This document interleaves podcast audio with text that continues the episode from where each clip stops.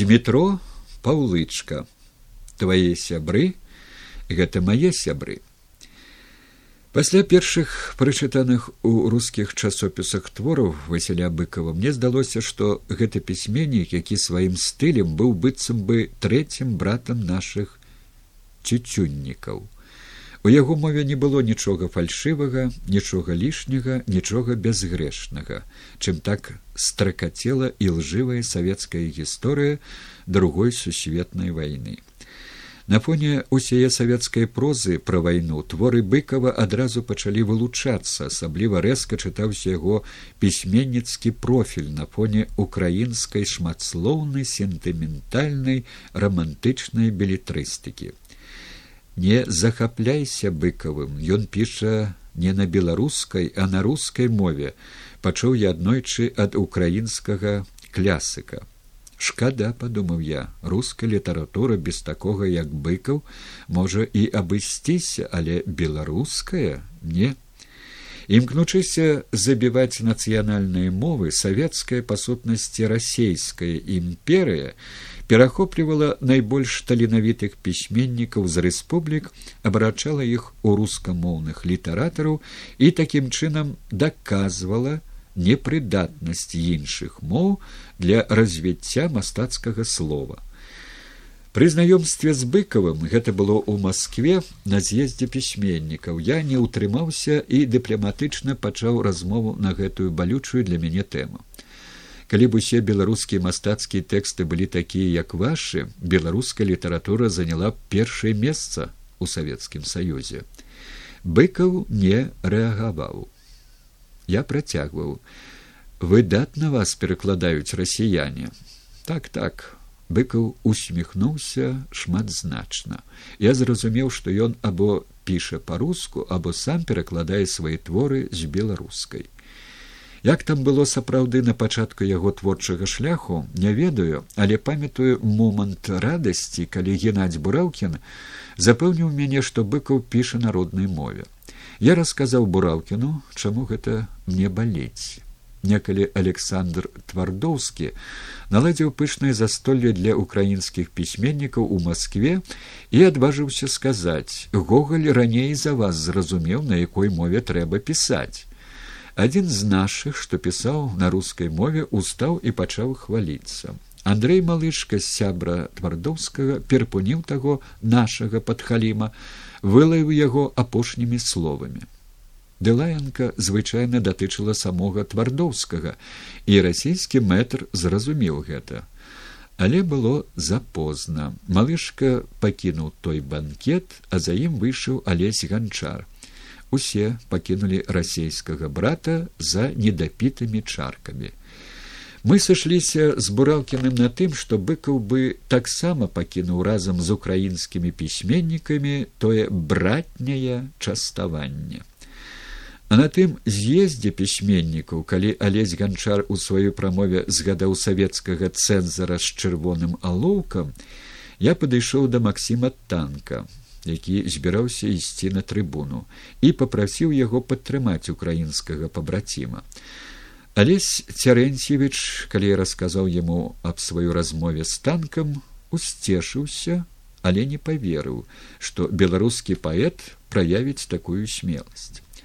Выступленне Масіма танка было сапраўды бясколерным, вытрыманым у духу выхвалення поспехаў беларускай літаратуры за тое, што яна верна служыць савецкай уладзе.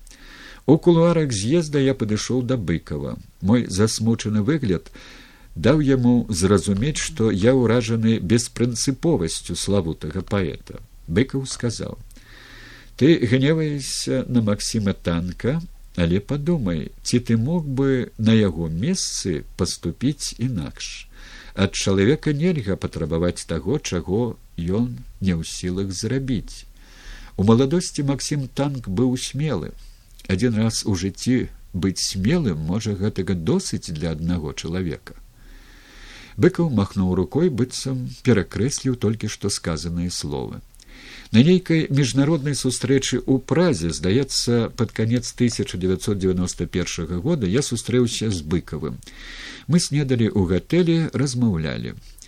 Ён з вялікай радасцю успрыняў развал імперыі украінскі рэферэндум першага снежня 1991 года наогул усё што дзеялася на ўкраіне таго часу. Быкаў быў павінен верыць у тое што аднаўленне украінскай дзяржаўнасці адбылося назаўсёды але ён жа гаварыў мне з такім трывожным спакоем што аж мароз под скураю аб тым што беларусь нашмат глыбей русіфікаваная што для яго народа толькі пачынаецца сапраўдная барацьба за дзяржаўнасць за сваю гістарычную місію вызначаную вялікімі беларусамі сярод якіх былі названы купала і богданович я спрабаваў суцяшаць яго прыпомніў творы аркадзя куляшова з яго цыклу апошнія вершы якія я калісьці перакладаў.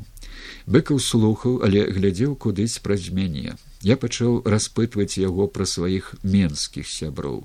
Найперш пра янку брыля хрышчонага бацьку маёй дачкі саламеі ён не ведаў гэтага усцешыўся.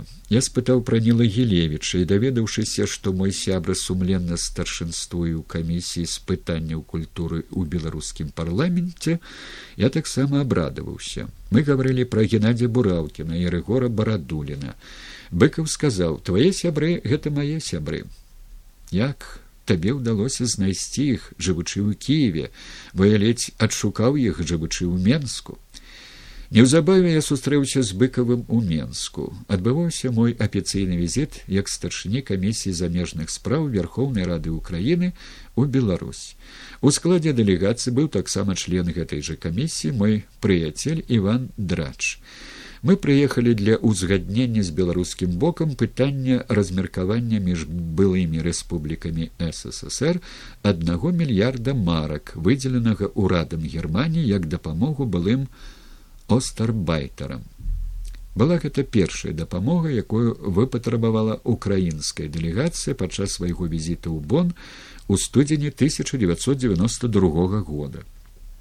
Збегаючы наперад скажу што мы прапанавалі падзяліць той мільярд такім чынам. Украіне даць четыреста мільёнаў беларусі четыреста мільёнаў і двести мільёнаў рассіі маючы на ўвазе што украіна падзеліцца тымі грашыма з малдоваю беларусь з прыбалтыйскімі рэспублікамі а рассея з каўказскімі ды сярэднеазіяцкімі рэспублікамі Гэта было справядлівае размеркаванне, зважаючы на колькасць грамадзян былога ссср выведзеных на прымусовыя работы ў рэйх. Беларусы пагадзіліся з такім размеркаваннем. Мы з дарачом вырашылі пагаварыць са старшынём верхоўнага савета станіславам шушкевічам пра стан культуры ў новай беларускай дзяржаве. Запрасілі быкова як найбольш аўтарытэтнага і шанаванага намі беларуса. Размова мелася адбыцца ў прысутнасці старшыні камісіі ў справах культуры ніла гілевіча і старшыні камісіі замежных спраў івана цярэшкі калі ад спраў остарбайтараў мы перайшлі да пытанняў культуры быкаў наехаў на станіслава станіславовича з празмернай можа нават несправядлівай гняўлівасцю. Вось ён быкаў махнуў рукой у бок шушкевіча. Нічога не робіць каб уратаваць нашу мову ад смерці наш народ ад татальнай русіфікацыі нашу культуру ад заняпаду нашу дзяржаву ад расійскіх замахаў станіслав шушкевич пачырванеў быў паўкрыўджаны. Ён з горкаю смешкай звярнуўся да нас. Бачыце як цяжка гаварыць сумленнем народа. Мы маўчалі, мы не былі да шушкевічы крытычна настроеныя. Мы памяталі, што гэты чалавек адыграў выключную ролю ў канчатковым развале ненавіснай імперыі. Магчыма, быкаў зразумеў наше маўчанне як падтрымку шушкевіча, таму ён дадаў: гэты чалавек зрабіў вельмі шмат добра, але цяпер яму бракуе рашучасці. Наступае час невукаў і пярэваратняў. Беларусь трэба абараняць моцную рукою. Мы выйшлі ад старшыні парламенту яшчэ да канца не асэнсоўваючы, што Васіль быкаў ужо прачуваў новую і вельмі цяжкую паласу гісторыі роднага народа. Мы развіталіся з нашым сябрам. Цяпер я разумею, мы тады ў апошні раз бачыліся і размаўлялі з прарокам, які, адчуваючы блізкае ліха, усё ж верыў, што яно мінецца, што Беларусь застанецца незалежную дзяржаваю. Маючы такога пісьменніка, як Васіль быкаў, беларусы не павінны ні перад кім хіліцца. Духоўнае развіццё гэтага чалавека адлюстроўвае развіццё самой нацыі беларусаў і ставіць беларусаў у раўнапраўны стан з усімі еўрапейскімі народамі.